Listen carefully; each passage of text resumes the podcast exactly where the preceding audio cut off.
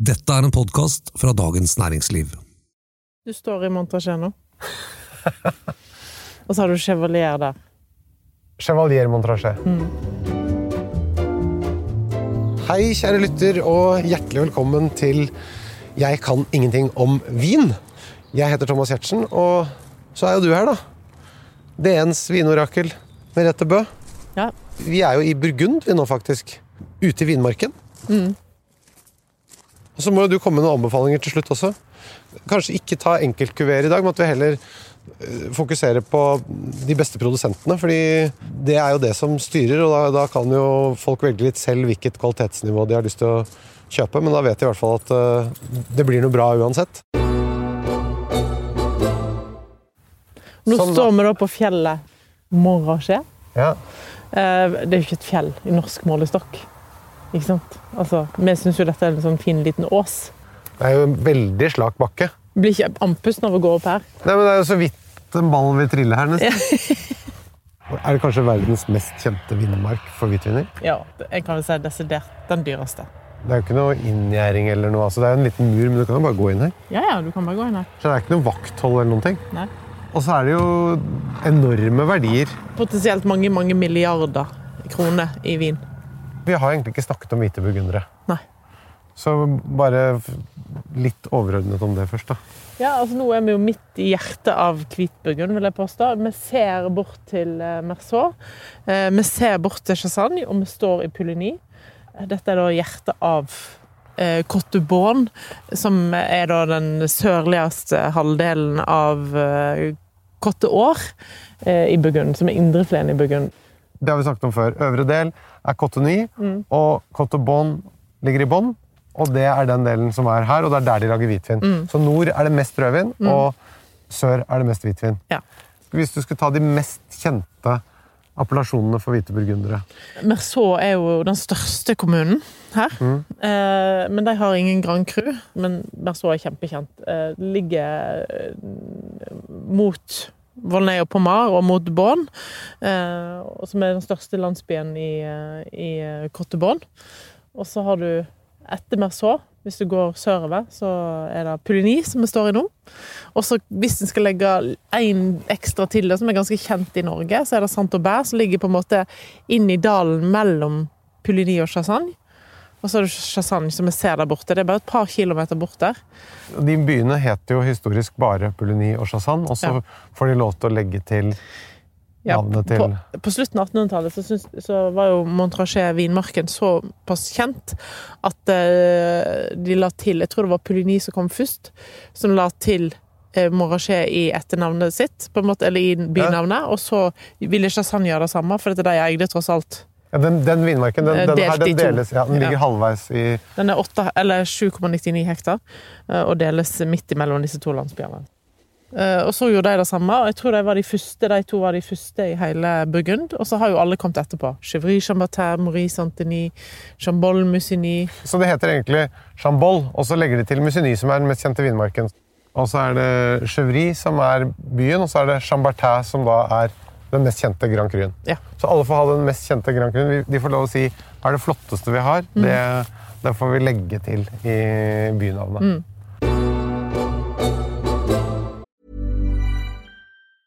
Planning for your next trip? Elevate your travel style with Quince. Quince has all the jet setting essentials you'll want for your next getaway, like European linen, premium luggage options, buttery soft Italian leather bags, and so much more. And is all priced at 50 to 80% less than similar brands. Plus, Quince only works with factories that use safe and ethical manufacturing practices. Pack your bags with high-quality essentials you'll be wearing for vacations to come with Quince. Go to quince.com slash pack for free shipping and 365-day returns. Man snakker om at viner er så forskjellige ut fra hvilken vinmark. De ligger jo helt, helt inntil hverandre. Solen står jo på mer eller mindre helt likt her i da Montrachet, som er denne den mest kjente. Og så har du den Pucelle som ligger da rett. Rett nedenfor. Ja, men jeg kan jo liksom spytte over dit. Ja. Og det er allikevel da en helt annen vin, en helt annen pris. Ja, veldig en helt annen pris. Jeg har jo alltid sagt at når du skal kjøpe vin fra Burgund, så er det egentlig ikke så viktig med vinmarken. for å være helt ærlig. Det viktigste er produsent. En god produsent Mm. eh, lager fantastisk vin uansett. Men en dårlig produsent lager ikke god vin selv om man har en plott i Montrachet. De klassifiserer jo vinmarkene fordi de har spesielle forutsetninger for å lage bedre vin enn de andre. Selvfølgelig. Hvis du står her, så sier du at eh, en kjempeflink produsent han lager disse liksom, seks radene her sånn, med druer. Han dyrker de, og så bare går det to skritt over veien der, og så dyrker han de. Gjør akkurat på samme måten, akkurat samme eh, genmateriale i plantene, akkurat samme vinifikasjon, akkurat samme lengde på lagring. Altså, alt likt. likt. Vil du smake forskjell, da? Ja.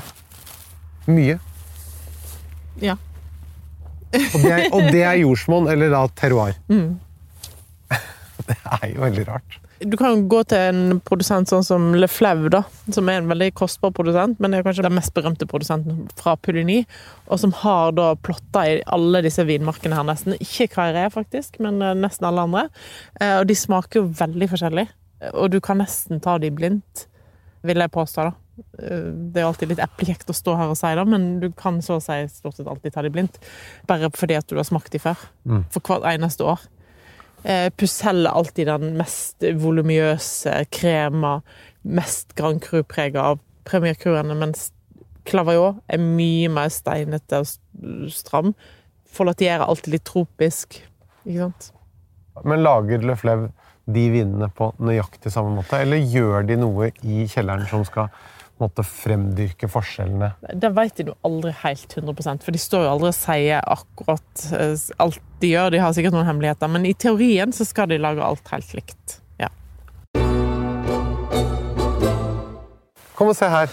Altså, her ser det ganske likt ut. Det ser ut som samme gartneren. Men så plutselig så skifter det. De, de der eh, rankene går nedover. Er det en meter mellom hver? ja Cirka her. Ikke en hel. Ja, nesten en meter. Men hvis du da kommer til naboen, så dyrker du helt inntil. Mm. Hvis du dyrker da biodynamisk, og så neste rad så kjører naboen full roundup. Da er jeg ikke helt heldig. Jeg tror ikke det er så mange som gjør det her lenger. Men uh, det- vil jo påvirke første rad, kanskje litt andre rad, hvis du driver biodynamisk. Og det er jo ganske surt da hvis du har Hvis det blåser litt, så fire blåser rader. godt Ja. inn. Ja. Men hvis du har mange, så har det ikke så stort å si. Mitt inntrykk når jeg har vært her nede, veldig mange som dyrker biodynamisk her i Burgund. Ja. De har jo gjort det en stund. Eh, Det begynte jo egentlig med sånn som Anne-Claude Le her nede. eh, Lalo Bisleroy, som har liksom gått foran og, og vist, og nå gjør de fleste kvalitetsprodusenter det. Og dette er jo da de dyreste prosentene. Det er jo ikke noe sånn der, eh, det er jo ikke noe hipstervin. Nei. Absolutt. Den dyreste hipstervinen i sortimentet. Nei, men dette er jo, og de- de skriver det jo ikke engang på etiketten sin. Nei, nei. Dette gjør de fordi at de er hellig bevisst, og ikke minst at de ser at det funker. Og det gjelder jo nesten altså, veldig, veldig mange her, da. Ja. Og selv om de da er sertifisert, sånn som de, den mest kjente rødvinsprodusenten Romane Conti Mm. De, også dyrker jo biodynamisk, Ja, men, men de er gidder ikke å ha det der bladet på, Nei. De vil jo på etiketten. Nei. Det er den mest naturlige tingen i verden. Hvorfor skal de skrive da? Ja. Da jeg gikk på skolen, så lærte jeg at eh, det var større forskjell De hadde tatt jordsmonnsprøver. Det var større forskjell på jordsmonnet mellom de som dyrker økologisk og biodynamisk. Det var større forskjell enn mellom de som dyrker tradisjonelt og økologisk. Ja. Det var større forskjell med bio og øko. Ja. Ah. Altså, mikrobiologien i jorden var enormt mye rikere. Så metemarker og alt mulig rart var veldig, veldig mye rikere i den bio. Og forskjellen derfra til øko var større enn fra øko til vanlig. Hvite burgundere, det er jo da chardonnay vi snakker om i all hovedsak.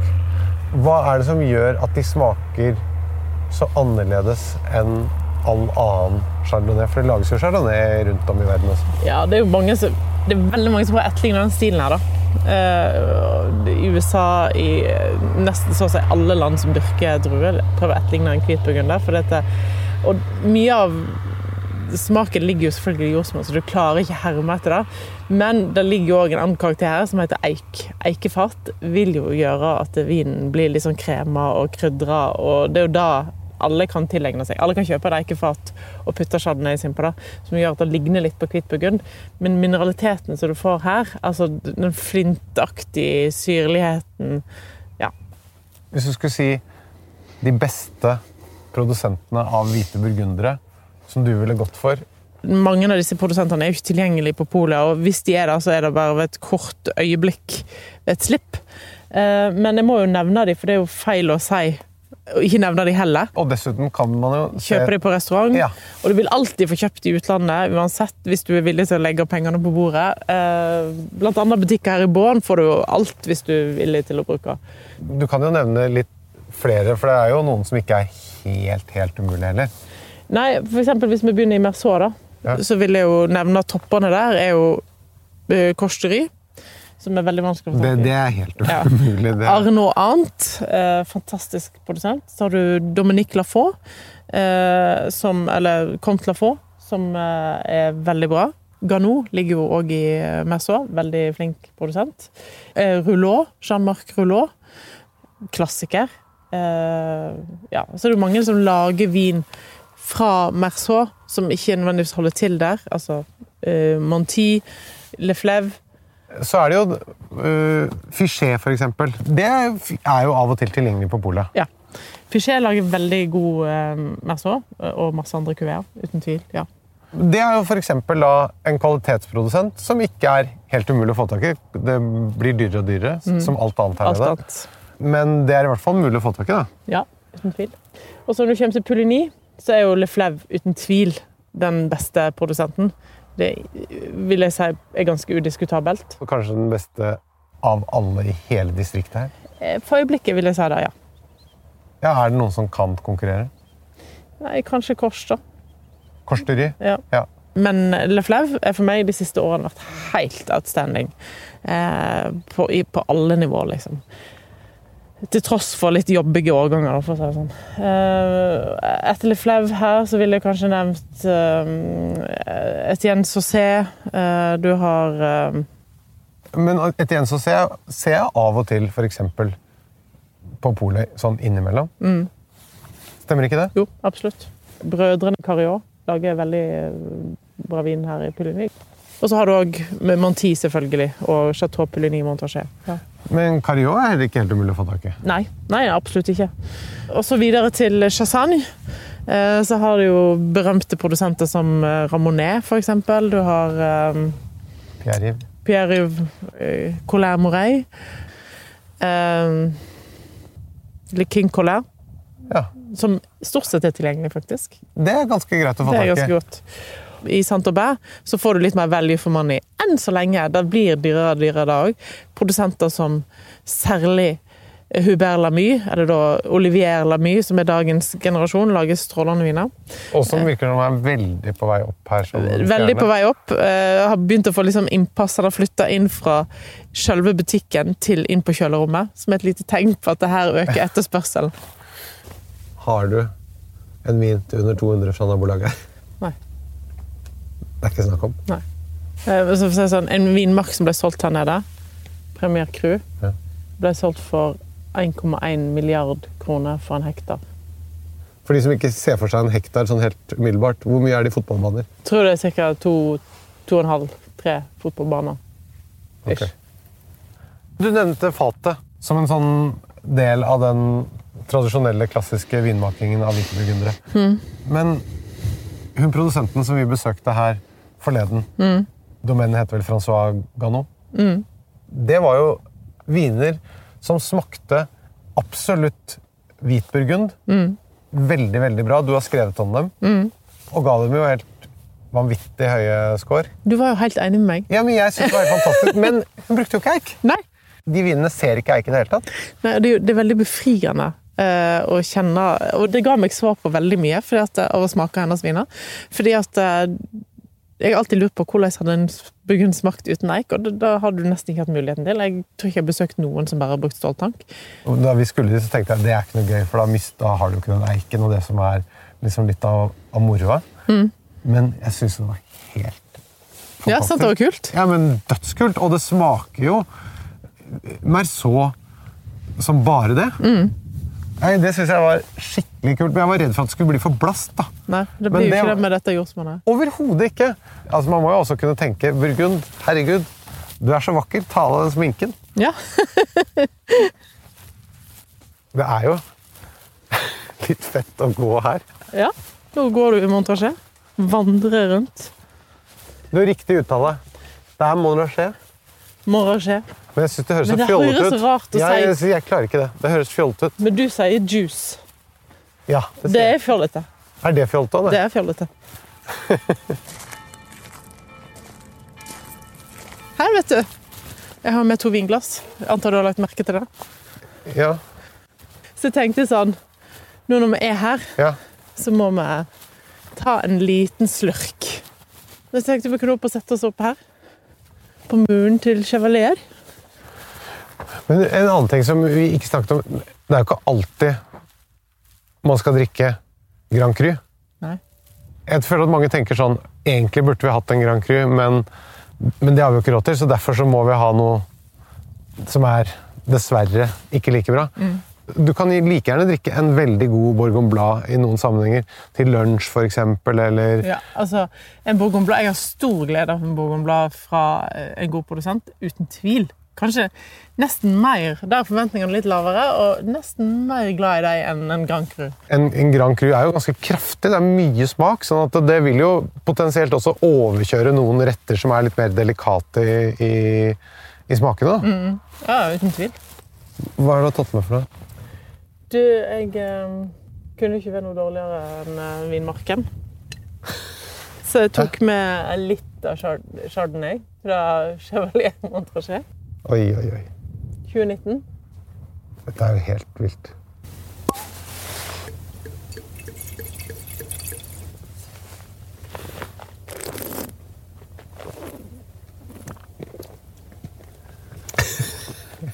Jeg har ikke lyst til å spytte den. Sitter igjen til morgenen her. Hva skal vi spise dette her?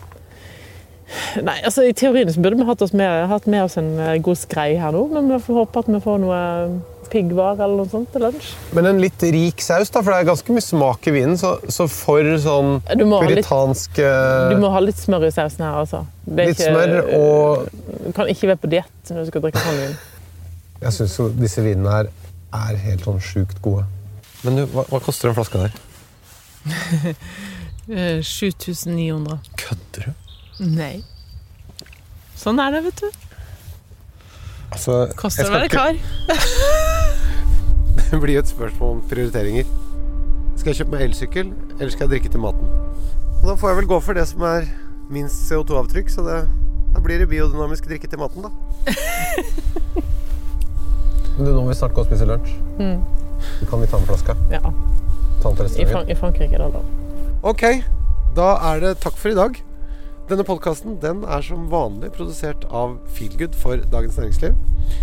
Har du spørsmål eller ros eller ris, send en mail til vin at dn.no. Vi høres igjen om en uke. Hey, it's Paige DeSorbo from Giggly Squad. High quality fashion without the price tag. Say hello to Quince. I'm snagging high-end essentials like cozy cashmere sweaters, sleek leather jackets, fine jewelry, and so much more. With Quince being 50 to 80% less than similar brands. And they partner with factories that prioritize safe, ethical, and responsible manufacturing. I love that. Luxury quality within reach. Go to quince.com slash style to get free shipping and 365 day returns on your next order. Quince.com slash style. Ever catch yourself eating the same flavorless dinner three days in a row? Dreaming of something better? Well, HelloFresh is your guilt-free dream come true, baby. It's me, Kiki Palmer. Let's wake up those taste buds with hot, juicy pecan-crusted chicken or garlic butter shrimp scampi. Mm. Hello Fresh. Stop dreaming of all the delicious possibilities and dig in at HelloFresh.com. Let's get this dinner party started.